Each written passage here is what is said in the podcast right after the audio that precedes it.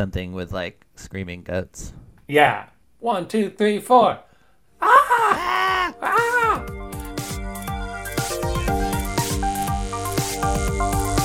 Well, I'm not a crook.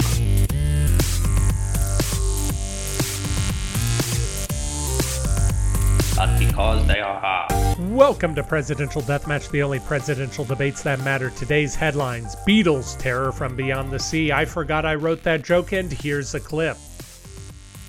Today we look at the best of the worst of the election of 1976 Eugene McCarthy, Lester Maddox, and Lyndon LaRouche. All that and more on today's Presidential Deathmatch.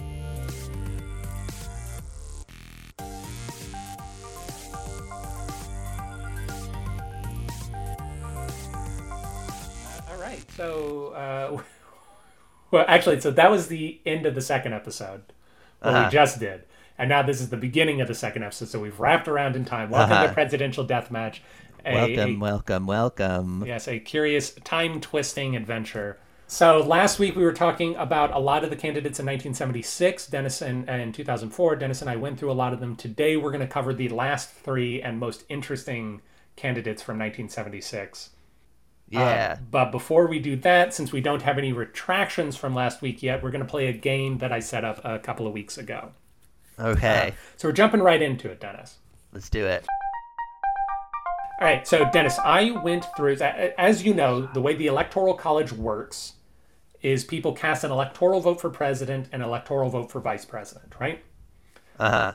As you may or may not know, the way they say this is, uh, for instance, that they would say Delaware, not Delaware, they would say Pennsylvania gives its 38 votes for president to Mr. Joe Biden of Delaware, and its 38 votes for vice president to Mrs. Kamala Harris of California. That that's how they would read it out in in the uh, in the Senate. So I have gone through and counted all of the electoral votes that the states have received over our country, and I'm going to ask you questions about state electoral votes. All right. So th- this is the whole history of it. Yeah, this is the whole history, every electoral vote that has ever been cast in our country. To which state did it go? So we can see what the most powerful states are in presidential politics. Uh, I see. So notably, here are some some things that may not be obvious at first blush. We are counting both presidential votes and vice presidential votes. Uh, Okay. which, which means that if a state doesn't have a lot of presidential power, but it kept showing up for vice president, it's going to be pretty high in these rankings. Uh huh. Number two, because it's electoral votes, we're counting winners and losers. And on top of that, margin of victory counts. So we were talking about the election of 2000. Uh, obviously, because Bush and Al Gore were so close, that's effectively the same number of electoral votes for both Texas and Tennessee in that election. Right. So, so uh, elections with high margins are going to be more helpful to these states than elections that just squeak over the finish line. Uh, finally, of course, there's going to be some bias in time because we got more states and more electoral votes over time, Right. which means that uh, states that were uh, powerful in the early parts of our republic may not be as high up on the list as states that came to prominence later on. Oh, because because of just there being more votes. Yeah, exactly. So, for instance, both California and Texas have only had three presidents and have only had a handful of vice presidential nominees, but they all had their runs post 1912, as opposed to hmm. a state like Tennessee, which has had several presidents, but most of their presidential candidates were before 1900 when we had fewer electoral votes. Interesting. And and then the fact that like Tennessee's been around forever is actually less of a because that's what I thought maybe that time bias was going to be. It was like just that it's been around for so long, but that's actually less of an effect than the sort of like, yeah. It's it's still involved. It's still in there, but states that uh, peaked later on in our history are going to be better than states that peaked earlier on in our history. Uh, for your information, 1964 is the first election with 538 electoral votes. Okay. And I believe 1963 had 535 or so, maybe 536, or 1960 had that many. Um, so, our first question, Dennis, is not even really a question. and that's you have to guess which state has had the most electoral votes. And I think that we both know in our hearts that there's only one answer to which state had the most electoral votes. Uh, Is so it I'm New York? It is New York, absolutely. Not Oh not even a question because I got it right. Yeah, because New York is uh, has been prominent for the entirety of our history. it has the most presidents. It has the most vice presidents. Uh, I I didn't get a chance to do it, but I was going to go through and see how many elections did someone from New York not get electoral votes. but your actual question, Dennis, is how many more electoral votes does New York have than its next closest competitor? Uh, Um, you can either do this in terms of uh, multiples, like multiples or fractions, or in terms of full on votes. To give you an idea, the median state, uh, state number 25 in the rankings, is Alabama with 413 electoral votes over the course of our history. okay. Fascinating.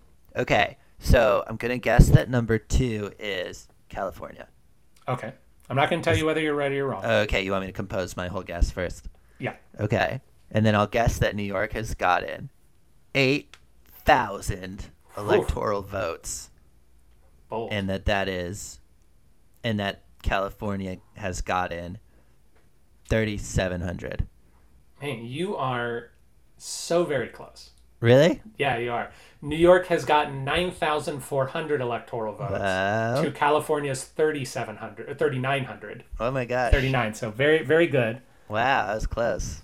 How many electoral votes do you think Texas has got? Or who do you think? Uh, you think California's number two? Who do you think's number three and number four? Is Texas number three? That's. Do you think Texas is number? 3? Texas and Massachusetts are the other ones that I would think would be up there. interesting. Interesting. I'll say I- Mass. Hmm? I'll say Massachusetts for number three. Okay. And Texas and for number Texas four. Uh, who? If you had to guess a number five, who would it be? And remember, it's presidents and vice presidents. Right. Maybe like a middle America situation like Illinois, Illinois, Illinois. Actually, Illinois is probably like number f- number 4. Is it uh, I'm going to change to Illinois 3, Texas 4. Okay. And uh, then would you put Massachusetts at five then? Yeah. Dennis, you are so close and yet so very far away. Massachusetts is number five. Okay. Illinois is number six. Ah, Number four is Indiana, okay. because Indiana had a ton of vice presidents in the late 1800s. Ah, right. early in that- 1900s. Okay. The that uh, the Gilded Age. Yeah. Number three is California, and Texas is number two. Oh shoot. Yeah, California, uh, Texas narrowly edges out California by 162 electoral votes. Texas has 4 4,062 to California's 3,900. Ah, Uh, this is born on the back of Cactus Jack, who was FDR's vice president. So, Okay. uh, so of course, California and Texas both got the same number of electoral votes in 1980 and 1988 because Reagan and Bush. Mm-hmm. Bush gets some in the dominant election of 90, uh, 88, or sorry, 80 and 84 for Reagan. Texas gets some more electoral votes in 88. We get some electoral votes in 2000 and uh, Cactus Jack, Lyndon Johnson, and Lloyd Bentsen. Um, so, so actually, Texas, because Lloyd Bentsen of Texas was the vice presidential nominee of Dukakis in '88, Texas got all 538 electoral votes in that election because the ones that didn't go to Bush and instead went to Dukakis also went to Texas because of Lloyd Bentsen. So your top 10 states are New York, Texas, California, Indiana, Massachusetts, Illinois, Ohio, which is lower than I expected them to be for mm-hmm. how many presidents they've had. Tennessee, Virginia, and New Jersey, also surprisingly. Yeah, but definitely Indiana's the dark horse in there to me. I Yeah. never would have guessed they'd be that high up. No, no, they it's really those vice presidents because Benjamin Harrison Right. the only president they ever had, but they had up in up through 1920 something, they had the most vice presidents of any state. Oh wow. Yeah. I wonder. i I wonder if uh, Woodrow Wilson's vice president, that guy who had a panic attack about being president. Remember that? He Yeah. was like the least willing to be president. Basically, Hendricks, his yeah. yeah, his whole vice presidential career was him making jokes about how useless he was. It was- yeah, yeah. I wonder if he was from Indiana. He was. He was. Okay. Yeah, he, he was. That's the vibe. Yep, yep. Dennis, your second question. Which state has got the most electoral votes without ever ever having elected a president? Oh, interesting. Hmm. Because we just, I definitely would have said Indiana if you hadn't mentioned Benjamin Harrison. All of those states that we just talked about have Right. presidents. Is Yeah. that true? Because Uh, Woodrow Wilson is I'll, I'll go down the list again. Okay, you, you talked yourself into it. Yes, New York. Uh, all all of the top ten have elected a president, with New Jersey having Wilson, Yeah. Okay. So, Tennessee. oh man. So then who is 11? Yeah. Let me ask you a Um, question. Uh, are there any? Think about any person who ran for president a lot but never won. That might help you. Henry Clay. Henry Clay. What state is Henry Clay from? Oh shoot. He was from um, Maryland. He's not from Maryland. Further west. Shoot. Ki- Was he from one of the what Kansas or Kentucky? Kentucky. No. Kentucky. He is Kentucky. Kentucky comes in at number 11, and uh, its 1,140 electoral votes have never successfully elected a president. Henry Clay is from Kentucky, as well as John C. Breckinridge, who we spoke about. Ah. How many of those 1,140 are Clay? Uh, quite a few. Let's see. and then how many are Breckinridge? It's Well- And then uh, also, they they elected a vice president, Alban Barkley, under Harry Truman. Because your next question is, which state has the most electoral votes with never having elected a president or a vice president? okay, because they've had a vice president. Yeah, Kentucky had Alban Barkley. How about Nevada? Nevada, interesting choice. Who do you think is run for president or vice president from Nevada? I have no idea. I will let you know that nobody. Nevada has had zero Really? electoral votes. oh my gosh. Uh, know. think about another person who ran for president a lot, like famously, Um, just kept eating it. maybe Michigan, or who is someone else who ran for president a lot? Let's say that Henry Clay has run for president three times, and maybe there's another person who's run for president three times and lost. Shoot, I don't know. Oh, you do know. In your heart, you know who he is. Yeah, I feel like it's just not coming to me right now. But wait, but uh, would it be someone from? You're gonna kick yourself. Yeah, who's that? Who is it? What do you want to guess a state first before? Just guess one state, and I'll let you. we'll- Okay, I'll guess. Uh, no. Man, Minnesota. Minnesota, of course, we spoke uh, earlier today about how Hubert Humphrey was vice president. Oh yeah, from yeah, Minnesota. yeah. Uh, Minnesota's number twelve, though. They they are pretty high up in the Okay, rankings. so I'm correct pretty, doing pretty good at. at the order. order. Yeah, the correct answer is Nebraska. William Jennings Bryan. Uh, So there were three elections that William Jennings Bryan ran in, and then in 1928, the vice presidential nominee was Charles Curtis of Nebraska. Uh, so Nebraska comes in at number 20 with 629 electoral votes. Uh, Minnesota, Delaware, Kansas, Maryland, Arkansas, Missouri, Pennsylvania, and Maine all elected either a president or a vice president at some point Whoa. during uh, during its time. Dennis, some more questions. There are eight, nine, one, two, three, four, five, six, seven. There are nine states which have never received an electoral vote.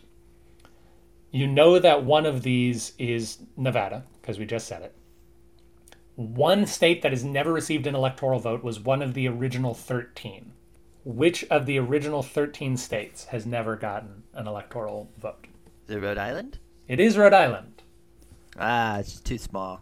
Yeah. It's also, it wasn't involved in the first election, the first two elections, Oh, yeah. were the ones with the most um, favorite sons. That, that was the, the crazy time of, of uh, just free electoral votes. Right. Yeah.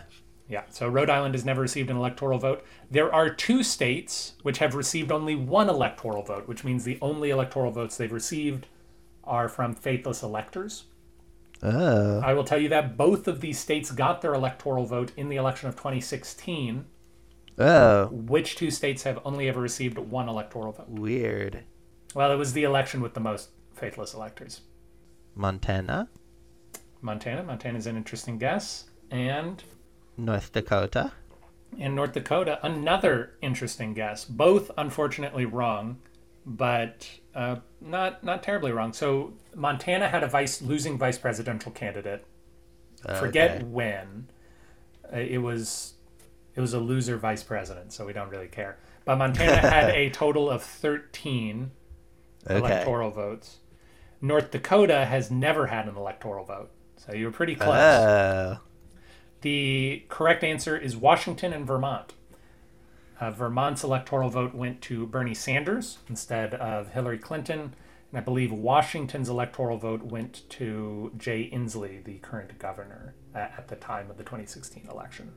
Man, I never would have guessed Vermont. Yeah, they seem like they should have gotten something at some point, right? Yeah, yeah. And I also forgot that they're not one of the 13 colonies. Right. they're, they're state number 14. The people who wanted didn't want to be part of us even more than Rhode Island didn't want to be part of us. Uh, Dennis, before we move on, do you have any any wishes to know about these state electoral counts? That's uh, super interesting. What's uh, yeah. What are what are some other the really what are the what are the bottom? the So the ones? the nine states that have never had an electoral vote are Colorado, Hawaii, Idaho, Nevada, New Mexico, North Dakota, Oklahoma, Rhode Island, and Utah. Perhaps unsurprisingly, a lot of them are western states, so they're Right. among the later states, and they're all very low population states. right yeah. Interesting. It is, I, I think, if I recall correctly, Kamala Harris, among her many sort of firsts, she is the first time that the Democratic Party has nominated someone west of the Rockies for anything. That um, that the De- Democrats have never nominated someone from a western state prior to Kamala Harris being Even nominee. Calif. Wow. yeah California's never All of California's presidents are have been Republicans. Republicans, Richard Nixon, Ronald is so Reagan, funny. Herbert Hoover. Yeah. and they all have R's. Mm-hmm. Lots of R's going on. And yeah, Two so R's. uh, New Mexico could have been averted by Gary Johnson winning something. Uh, Utah, you know, depending on what Mitt Romney does with the rest of his life, maybe Utah will have uh, a resurgence. But it's not even as though there's anything on the horizon. Colorado's current governor, um, Jared Polis, would be an interesting candidate for uh, Democratic president in the future. Idaho's not really producing anybody. Uh, It's a Mon- fascinating place. Montana is the has the uh, the lowest numbers for someone who's ever actually nominated a person, uh, which is 13, like I said, and then South Dakota has the next lowest. Uh, they they nominated George McGovern was the 1972 Mm. candidate for Democratic president. So it's like yeah, it's even like still kind of sticking with that pattern of those frontier area, those western Rockies areas and stuff, and being Yeah. a little less populated. And then the, the other interesting thing is how swiftly these things drop off. So New York has nine, 9,500 votes. The next person, Texas, has 4,000. If you get down to number eight, which is Tennessee, they're uh, just over 2,000. Then you just go down to 14, you get to 911. By the time you get to 20, you're at 629. And then uh, once we hit Oregon at number 36, uh, we are under 100 electoral votes for the entirety history. That's pretty. That's pretty close to like a two to the end kind of thing.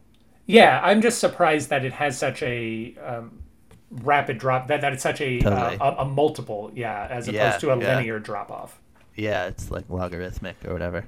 Yeah, it's not quite logarithmic, uh, but uh, but but it just it just goes to show how frequently we nominate people from t- New York, Texas, California, and Indiana. Apparently, Uh yeah.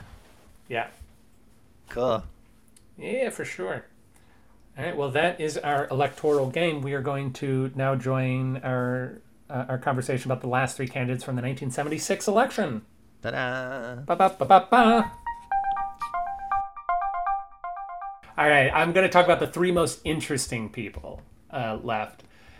Uh, Eugene McCarthy. Uh, Eugene McCarthy is not Joseph McCarthy. McCarthy. Joseph He's not. McCarthy. Yeah, he's not Joseph McCarthy. He is his own man.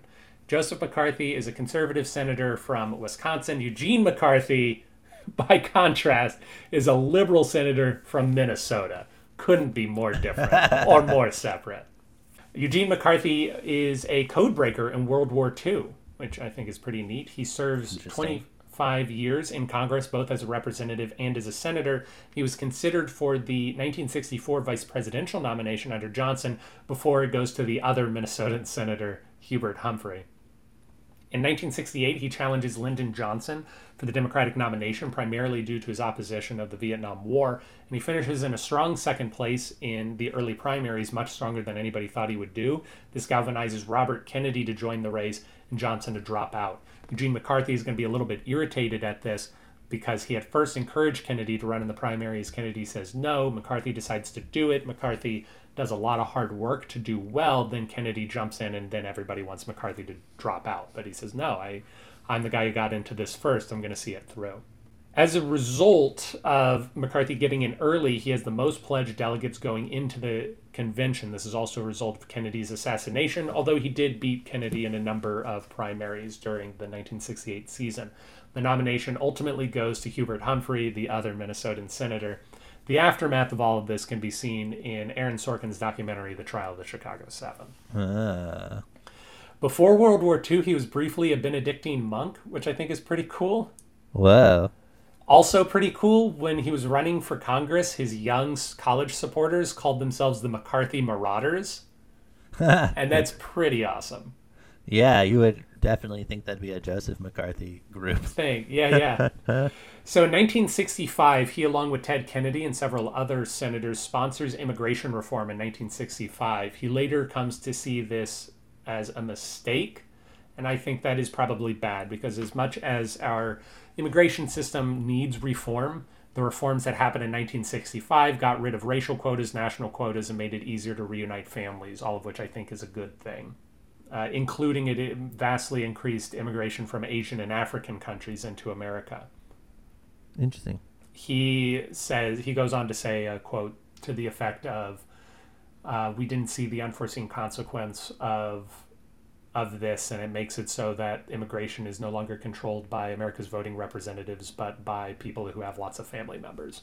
Is sort of an unfortunate quote, I think. Yeah. He says in 1960, uh, in the lead up to 1968, in regards to his opposition to the Vietnam War, he has, quote, I'm concerned that the administration seems to have set no limit to the price it is willing to pay for a military victory, which is going to, to really set the tone. And George Romney, uh, who's Mitt Romney's father, he is potentially running for the Republican nomination in 1864 and people asked whether he thinks that George Romney has been brainwashed into supporting the Vietnam War. He responds, Well, no, not really. Anyway, I think in that case, a light rinse would have been sufficient, which is hysterical. he says a number of unfortunate things during his lead up of, into 68, including that only the relocation of inner city blacks would solve the urban problem. And then Robert Kennedy, also in an unfortunate turn of phrase, jumps on this and accuses him of wanting to bus a lot of black people into Orange County and, and affluent white suburbs. All in all, not a golden time. Yeah. Yeah. So he drops out of the uh, 72. He runs in 68 against Johnson, eventually against Kennedy, loses to Humphrey. He runs in the 72 election uh, nomination, does not do well, drops out early, and then also drops out of the Democratic Party. In 1976, which is when we're talking about him, he is officially running as an independent, and his struggle with ballot access leads to a lot of court battles, which ultimately are going to help future third party candidates of all levels, basically making it easier to get on the ballot so you don't need the apparatus of a party.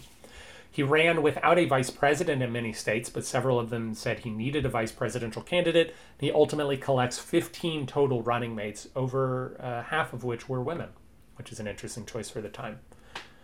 During this 76 campaign, he advocates for an interesting mix of libertarian and progressive platforms, including shortening the work week, weakening the IRS, and improvement of civil liberties. He ends. Uh, he gets third place in this election, 740,000 votes, and nearly four percent of Oregon. Later on, he'd be a plaintiff in Buckley versus Valeo, which is a landmark Supreme Court decision, which makes it easier to spend money on political campaigns and makes it so that the U.S. government doesn't fund private campaigns as much as they used to, uh, which I tend to think is good. If people really want us to talk about campaign finance reform later on, they can. In the 80s, he runs to regain his Senate seat as an independent and he loses to the Democratic candidate. He returns to the Democratic Party in the 80s, just in time to be excluded from the 92 nomination debates, which upsets him. Uh, throughout his time, he is a poet. He writes poetry, and because he keeps running for president and keeps appearing on a national stage, people become interested in his poetry. And uh, he has this quote If any of you are secret poets, the best way to break into print is to run for the presidency. Which I think is pretty funny. Yeah. Uh, and there's one hilarious final insult, Dennis. So the man dies in 2006 or so. And so at the 2008 a Democratic National Convention, which is, uh, of course, going to nominate Barack Obama, they have an in memoriam section of these are all the prominent Democrats who have died over the last four years. And they show a slide of Mr. Eugene McCarthy, but they forget to add his first name. Uh, and his middle name is Joseph. And so they labeled him as Joseph McCarthy, no. the conservative senator from Wisconsin. Oh no. So uh, we're going to finish off by talking about Lyndon LaRouche and Lester Maddox. Dennis, do you know who Lyndon LaRouche is? No. Uh, It's a interest- fun name though. It is. Uh, surprisingly, only the second person to run for president named Lyndon. Lyndon LaRouche is notable because he is the only candidate to run for president in both 1976 and in 2004. 2004 is Lyndon LaRouche's Ah. final presidential run. How did he not come up in my list? I, I don't think he was notable enough to, to show up. There's a dude on Wikipedia that I didn't talk about who apparently got five votes that they that someone came in and added. Uh, Nice.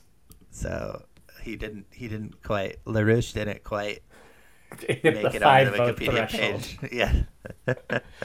Uh, so Lyndon LaRouche is uh, a bizarre man. We're going to start with this clip from. Uh, okay, so he he's crazy. I'm going to start by saying he's crazy and he's a conspiracy theorist. And as interesting as reading and talking about his conspiracy theories are, why why do that? Why spend our precious time on this earth talking about the rantings of a crazy man? So instead, here is a clip from 1988. Al Franken, future Senator Al Franken, portraying Lyndon LaRouche on Saturday Night Live. The 1988 presidential campaign has come down ultimately to the choice between two evils. On the one hand, the wicked George Bush, on the other, the demented Michael Dukakis.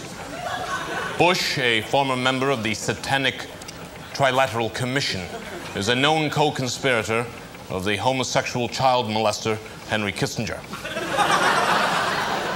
However, it is the severely deranged Dukakis who poses the greatest threat to our very survival.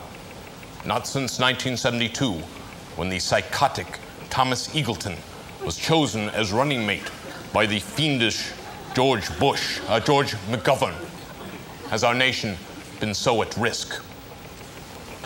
The maniacal Dukakis, in collusion with the depraved Lloyd Bentsen and the International Monetary Fund, seek a policy of systematic genocide against the people of the Third World. A policy that could only have been hatched in the mind of the most diabolical fiend of the 20th century, Walter Mondale. And now, the madman Dukakis, along with his confederates, the murderous John Glenn, the sinister Bill Bradley, and the black Mephistopheles Jesse Jackson, have set about to perpetrate the greatest lie of them all that I am insane. Uh, and Dennis, uh, you can't hear it, ah, but ah, ah, it's it, it is it is quite funny, and he talks about how dangerous Michael Dukakis is for for America, uh, which I think is a good tie-in. So Lyndon LaRouche be- begins his political life as a Marxist and socialist, although over time this transforms into more authoritarian, more right-wing positions. I, I think it's a good example of how one extreme can kind of circle around to the other extreme without passing through the middle. Uh-huh. yeah. He first runs for president in 1976. He would run in every presidential cycle until 2004. He died in 2019, so it's unclear as to why he stopped in 2004 instead of also running in 08, 12, 16. Uh, he's a cult like political figure in the vein of, if not the success of India's Prime Minister Modi, or Donald Trump, or uh, Duterte, or Joseph McCarthy, who we've brought up. He spends his time as a conscientious objector in World War II because he grew up as a Quaker and this led to his support of the Indi- Indian independence movement and Trotskyism. Uh, His contemporary Tim Wohlforth says of Lyndon, he has a marvelous ability to place any world happening in a larger context, which seemed to give the event additional meaning, but his thinking was schematic, lacking factual detail and depth. Uh, Buddy mandering. yeah, he's he's. Um, y- you did not hear the clip, but uh, I, I think the listeners who have heard the clip will will recognize the pattern of thought, where he's just like, "Oh, this is happening here, and it's emblematic of of the Right. the corn growers union in in Britain doing this." Also, he's delightfully Anglophobic. He seems to believe that England is this massive international power that is just going to destroy everything. Which, I mean, they were. Right, but not in 1976. Yeah, I mean, in 1776. Yeah, in 1776, he would have been right on the money. He reminds me of this guy I went to school with named Ammon Garton, who Ammon was a uh, rather surly fellow, difficult to get along with at times, who was confident of his own intelligence and his own brilliance without really demonstrating either of those things. The kind of person uh, Lyndon LaRouche says many times that his teachers are all much dumber than he is, and then he quits school and goes Yeah. and does something else. Like a Ross Perot. Yeah, or you, I mean, you said Trump and all these people too, but Yeah, even Ross Perot, though, was a very successful businessman. Lyndon LaRouche, we're going to find out, is a successful con artist. okay. So, just Yeah. our, yes, our, Yeah, our our- most recent ex-president. Mm-hmm, mm-hmm. he names his organization the Democratic Policy Committee, and there's enough evidence to suggest that this has confused people into thinking he's part of the Democratic Party, including Mexican President Jose Lopez Portillo. Uh, he managed to get an audience with this man because he thought he was the head of the Democratic Party. So there's a book by a man named George Johnson called Architects of Fear, Conspiracy Theories and Paranoia in Politics. And he describes the philosophy of Lyndon LaRouche as follows. In the world according to LaRouche, history is a war between the Platonists, the good guys, and the evil Aristotelians. Anyone who has taken Philosophy 101 can follow the drift. Platonists believe in standards, an absolute truth that can be defined by philosopher kings like Mr. LaRouche. To the Aristotelians, everything is relative. True Platonists believe that industrialization, technology, and classical music should be used to bring wealth and enlightenment to the citizens of the world. But the Aristotelians are trying to stop them by using not only sex, drugs, and rock and roll, but also environmentalism and quantum theory. With their bag of brainwashing techniques, they hope to trick civilization into destroying itself, bringing on a new dark ages in which the world's riches will be firmly in the hands of the oligarchs. In 1987, there's an FBI investigation into Lyndon LaRouche and his organization, and he's convicted in Virginia on charges of scheming to defraud the IRS and of deliberately defaulting on more than $30 million in loans from thousands of supporters. Uh, it's wiretapping, it's mail fraud.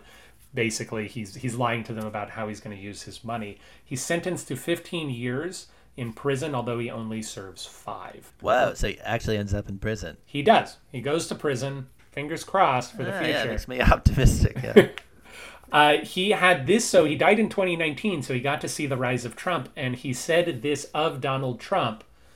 Not since William McKinley has a president been so clear in his intent to return the nation to the economic tradition of Alexander Hamilton, to end the policies of British imperial free trade, and make a full commitment to industry, manufacturing, scientific advancement, and world peace.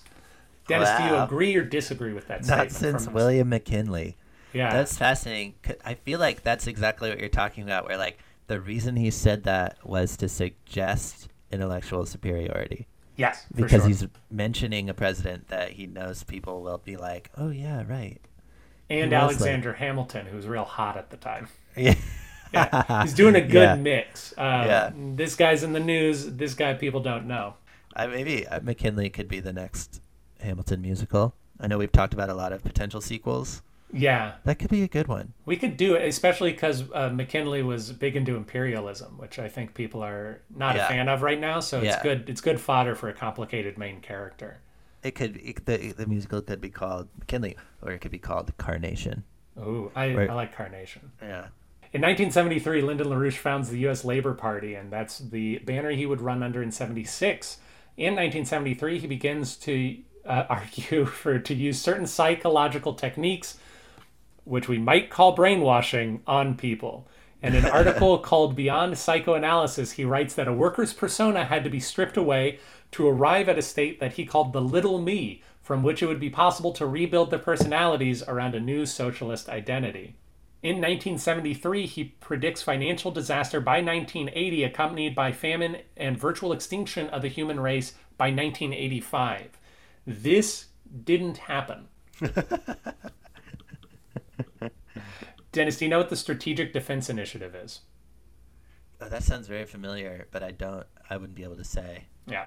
So it's connected to Project Star Wars. Do you remember Project Star Wars? It's Ronald Reagan's thing. So it was. That would mean that it was post Star Wars.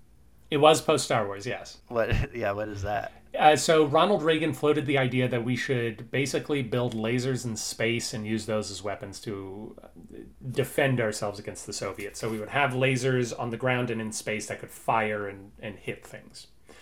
Uh, and this Like was put mirrors in Uh-huh. space. Yeah, yeah, ricochet, bang, Yeah. bank some shots. Um, so this was part of a larger idea called the Strategic Defense Initiative, which was a program under Ronald Reagan to use weapons in space for the national defense of America. Lyndon LaRouche constantly claims credit for the SDI, and he does it to such an extent that Russia begins to believe that he is in charge of it, which is hysterical, much to the irritation and chagrin They're like it's Um, interesting because you wouldn't expect the head of the Democratic Party to be so on to be this, help but- yeah to be helping Ronald Reagan out. But hey, I, I mean, I guess Americans are more together than we thought. They're mermetic. LaRouche files a defamation suit against NBC, arguing that the pro- news programs were the result of a deliberate campaign of defamation against him. The judge ruled that NBC need not reveal its sources, and LaRouche lost the case. NBC wins a countersuit, the jury awarding the network $3 million in damages, later reduced down to 258459 for misuse of libel law in what was called one of the more celebrated countersuits by a libel defendant. LaRouche failed to pay the damages, pleading poverty, which the judge described as completely lacking in credibility. Because he argues that since 1973, he had no idea who was paying the rent on his estate, or paying for his food, or his clothes, transportation, bodyguards, or lawyers. I don't know where this money's coming from. It's coming from I, I don't know. It just shows up. I pray for it, and here it comes. The judge fined him for failing to answer. After the judge signed an order to allow discovery on LaRouche's personal finances, a cashier's check was delivered to the court to end the case. My goodness. When LaRouche appealed, reject the uh, the Fourth Circuit rejected his arguments and set a test which has been called the LaRouche test to decide when anonymous sources must be named in libel cases. On December sixteenth, nineteen eighty-eight, he's convicted of conspiracy to commit mail fraud, which we had uh, talked about briefly. He was released from prison January twenty-sixth, nineteen ninety-four. So he, he was another guy who ran for president from jail because he ran for president in nineteen ninety-two. Ah, Uh, and this is a fantastic quote from him. Rock was not an accidental thing. This was done by people who set out in a deliberate way to subvert the United States. It was done by the British intelligence. And then he later call, said that the Beatles were a product shaped according to the British Psychological Warfare Division. the Beatles. The Beatles, America's greatest enemy. That is Lyndon LaRouche. Dennis, we are going to end today on a man that I am so sad I couldn't spend more time talking about. Uh, a man named Lester Maddox. Lester. So Lester Maddox is one of two Georgian governors who run in 1976, and he's the only one of those two who lost the presidential election. Oh, that's wait. Governor. Oh, oh, governors. because Carter was governor of Georgia. So Lester Maddox was the governor before Carter in Georgia. Okay. Lester Maddox is running for the American Party, which we described earlier is generally Christian nationalist as well as segregationist and white supremacist. So keep that in mind. See if you can find the elements of white supremacy and segregationism in his life as we talk about it. Maddox is originally a restaurateur known for its simple Southern food and its simple Southern segregation. I forgot that I wrote that joke before I did the beginning. Following the civil rights, so uh, in order to promote his restaurant, which was called uh, Pickrick's, he, he would advertise with cartoon chickens that would appear in the newspaper. So that those were his ads. They were little cartoon chickens. It was like Chick Fil A. You know how they have the the talking cows. Pick, Pickrick's had these little cartoon chickens uh, that were his advertisements. And following the Civil Rights Act of 1964, he used these cartoon chicken advertisings to proclaim that he'd never let black people eat at his restaurant. Oh dear. but he was perfectly happy to let them work there. He goes so far as to threaten one group of protesters with a pickaxe handle when they come asking to be sat at his restaurant. According to the Civil Rights Digital Library, uh, this is a quote from that that resource. Maddox closed the Pickrick's on August 13th and reopened the business on September 26th as the Lester Maddox Cafeteria, where he pledged to serve only acceptable Georgians. During a trial for contempt of court on September 29th, Maddox argued against the charges because he was no longer offering service to out of state travelers or integrationists. So he's trying to say that the national government uh, the national government can't theoretically can't regulate intrastate commerce. So he's saying if I don't let people from outside Georgia eat at my restaurant, I am not a part of interstate commerce, and therefore I am not subject to national laws. Uh, this uh, generally would be considered a 14th Amendment violation. On February 5th, 1965, a federal court ruled that Maddox was in contempt of court for failing to obey the injunction and assigned fines of $200 a day for failing to serve African Americans. Maddox ultimately closes his restaurant on February 7, 1965, rather than integrate it, and he claims that President Lyndon Johnson and communists put him out of business. And he would keep saying that for the rest of his life. He would say statements like, Lyndon Johnson kicked me out of business. In the early 60s, while he's still a restaurateur, he fails to get the Democratic nomination for mayor of Atlanta twice, and in 1962, he loses a race for lieutenant governor, again for the nomination.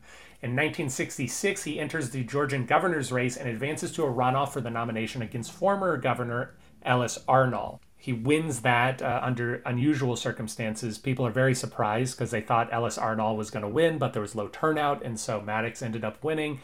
So they had Ellis Arnall run a run in campaign. What this leads to is Maddox comes in second in the general election to Howard Bo Callaway, who's the first Republican to get a plurality of the vote since Reconstruction. However, as we know from the last couple of years of very contentious Georgian elections, you need to get over 50% in order to win in Georgia.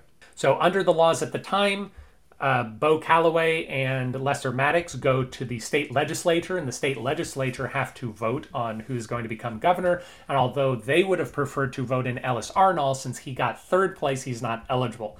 And so they choose Maddox to be governor. In a really classy move, uh, because he Maddox is the the head of Georgia when MLK is shot, he refuses to let MLK lie in state after his assassination. Boy, howdy. Wow. What a gross choice. Yeah. He has the delightful honor of having a play written about him called Red, White, and Maddox, which envisioned him winning the 1972 presidential con- uh, contest and then starting a war with the Soviets. This production later ran uh, on Broadway for two months and was also turned into a television film, and I have a clip from it that I'll play here. Let's hear it for law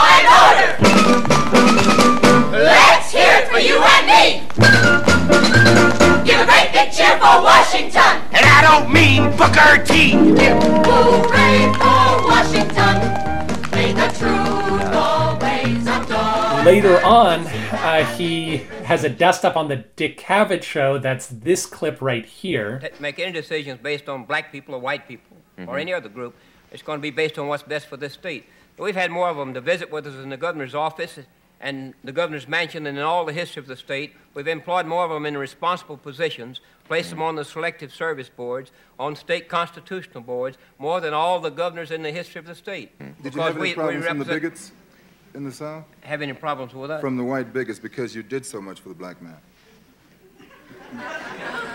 What do you mean, uh, which white bigots? The black ones and white ones I have trouble with from time to No, time. I said white bigots. I have the black uh, races and the white races that create some problems. Did you have any know? problems from the white races because you did so much for the black people? Oh my And god. it's very funny. Is, is that like a late show kind of thing, or is it like one of those panel kind of shows? Uh, both, both. It, it's like a talk show, panel show. Okay. Yeah. I think I've seen clips of that before, of the Dick Cavett show before. Yeah, it's it's a good clip. So before Governor Maddox takes office, the Savannah Morning News says that he would tell off the federal government 40 times a day, but four years after his inauguration, he would have accomplished little else. Once in office, he accomplishes the following. He is influenced by a na- man named Murray Silver and Sam Caldwell to hire blacks and to approve legislation affecting unemployment industry, unemployment insurance of automobile workers in the state. He also integrates the Georgia State Patrol, appoints the first African American to head a statewide government department, appoints the first African American Georgia Bureau of Investigation agent, and appoints the first African American to a draft board in Georgia. He integrates Georgia's farmers markets lines, and he directs state troopers to no longer address black people with the N word. All of which is good things. I, I don't want to say that, that those are bad things, but he's still uh, a fairly big racist. Yeah. After his term ends, Republican Benjamin Blackburn describes Maddox as a far better governor than his critics will ever admit. And he also points out that no accusation of corruption was made against Maddox, whose administration was characterized by economic development and the appointment of African Americans to state executive positions for all of his uh, negative personal views. He is unable to serve a second consecutive term for governor under Georgia's laws at the time, and so he instead runs for lieutenant governor under Jimmy Carter, who ends up winning that election. And so uh, Maddox goes from governor of Georgia to lieutenant governor of Georgia. Uh, they do not like each other, and they often argue in public. After Carter's turn, he runs for governor again, but he fails to get the nomination. In 1968, he supports George Wallace for president, who is the uh, segregationist racist who wins several southern states during that election. But he does get the nomination for the American Party in 1976, where he calls Jimmy Carter the most dishonest man he ever met, which I don't think is true. Jimmy Carter seems like a pretty great guy. Right? Uh, yeah. Uh, so his running mate uh, used to be mayor of Madison, Wisconsin. Uh, that's who he chooses, and he gets fewer than 200,000 votes in the election of 1976. So, Dennis, this is what I want to ask you. This is the most important question I'm going to ask you today. Lester Maddox, nobody likes him. He has a generally successful term as governor. He has a contentious term as lieutenant governor. He fails to become governor again uh, because they don't want him. And then he fails a run for president in 1976. What do you do after that in order to get money? What what uh, what is Lester Maddox's next career move? Speaking tours, True. Can you be more specific? college campuses. Mm, mm, so close. He becomes a comedian. Ah. He becomes a nightclub comedian, uh, performing in What? nightclubs with a young black musician for whom he obtained a pardon. They called themselves the governor and his dishwasher, and I have a clip of that. Hey, hey, Bobby Lee, man, you're behind on tables. They're dirty, the floors are dirty, garbage needs to be carried out. You haven't cut up all the chicken, and you interrupt me while I'm doing my thing. I don't get to do it very often. What's going on? I want to talk to you right now, Governor. there's a time and place to talk, friend. The time is now. Well, what do you got to talk about? Lay it I'm on. I'm tired of washing dishes. I'm tired of cutting chicken. Tired of buzzing your tables, mopping your floors, and canning out your garbage. Man, you just plain tired. You know if we stop doing all that, you might stop eating. I never thought about that. Uh, Dennis, you can't hear the clip, or you didn't hear the clip. Rest assured, no one was laughing. it did not seem to be a particularly good act by 1978 standards. Jeez the musician he was playing with was named Bobby Lee Fears. He would go on to be in a group called the Ohio Players, who are known for performing nude, erotic covers of songs, all of which I think is hysterical. That's insanity. Yeah. During the 1980s, he begins to treat his prostate cancer with a drug that they later find out to have been adulterated with AIDS. However, he himself does not contract the virus. In 1990, he makes one final bid for governor, but he loses to his former chief of staff, uh, whose name was Zell something or other. Uh, he was a member of the Council of Conservative Citizens, and he uh, that was found to be a hate group by the Southern Poverty Law Center back when that meant something. The, his New York Times obituary says the view that blacks were intellectually inferior to whites, that integration was a communist plot, that segregation was somewhere justified in scripture, and that a federal mandate to integrate all white schools was ungodly, unchristian, and un American. Despite this, the obituary notes that after becoming governor, Maddox surprised many by hiring and promoting blacks in state government and by initiating an early release program for the state prison system. Yeah, what's the deal with that? So is he like trying to prove all the time that he's not racist by like focusing on things that he thinks are I Good. think he's uh, so. I, I don't know if we've ever mentioned it on the program before. There's a wonderful YouTube series called Ask a Slave of um, which features a, a woman who used to play a slave at Mount Vernon, and yeah, it's welcome, welcome. Make yourselves comfortable. I'm your host, Lizzie Mae, personal housemaid to President and Lady Washington. it's great. Uh, it's it's very uncomfortable and very funny. I highly recommend going to watch Ask a Slave. But there's an episode with an abolitionist. Uh, because obviously a lot of the questions are she she picks questions that are very stupid and very telling. Hey, Lizzie Mae, I spend a fortune on skincare products. What do you, as a slave, use to make your skin look so great? Trust me, honey, you don't want this skin. So, like, do you have any white friends? There's an episode with uh, an abolitionist who's a, a guy, a, another historical reenactor. Well, I am from New Hampshire, where we do not have slaves. In fact, we do not have any Negroes whatsoever in New Hampshire. Oh, well, Virginia must have been quite a shock. Indeed, indeed it is. There are a tremendous amount of Negroes here. There are Negroes everywhere you look. So many Negroes, more than I had ever thought that were actually on the planet. Uh-huh. Uh, and he, she's talking about how wonderful it is to have an abolitionist. Uh, and she's very happy that, that somebody recognizes her worth as a person. And he's like, What? No, no. I mean, they're, they're, they're inferior. They just shouldn't be slaves. Uh, I, I, uh, ideally, we free them, we send them all back to Africa, and American can finally be a pure white country again. Mr. Lear, nice to meet you. I'd like to know what you think the black folks will do when they're freed. Hmm. Well, when all this slavery business runs its course, we will have to provide safe passage for all the Negroes back to their home in Africa. What? That is where you people want to go, right? Back to Africa? Uh, no. Uh, Jamaica? What's that?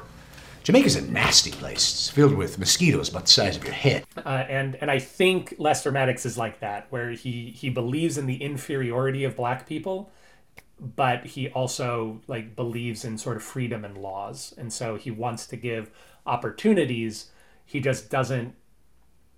It, it it's like the the sexist people who probably don't advocate for laws against women, but also aren't don't don't really believe that women are intellectually equal to, to men, right? Um, Mhm. Or or don't have the gumption or don't have the metal. I think that he would say that he doesn't have hate in his heart. He just judges things accurately, but it's still very much a clouded perception. Right.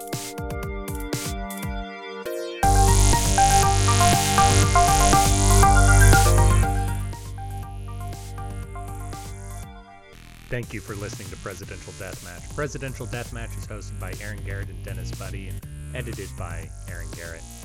If you like the show, please consider giving us a review wherever it is. You can do that, we'd really appreciate it. If you didn't like listening to the show, well, why don't you come on back and give us another try? We really grow on you. If you want to reach out to us, you can do that at contact at pronoiatheater.com. You can also support the show in a variety of ways, including at pronoiatheater.com slash store. We hope you enjoyed it, and we hope to hear from you soon.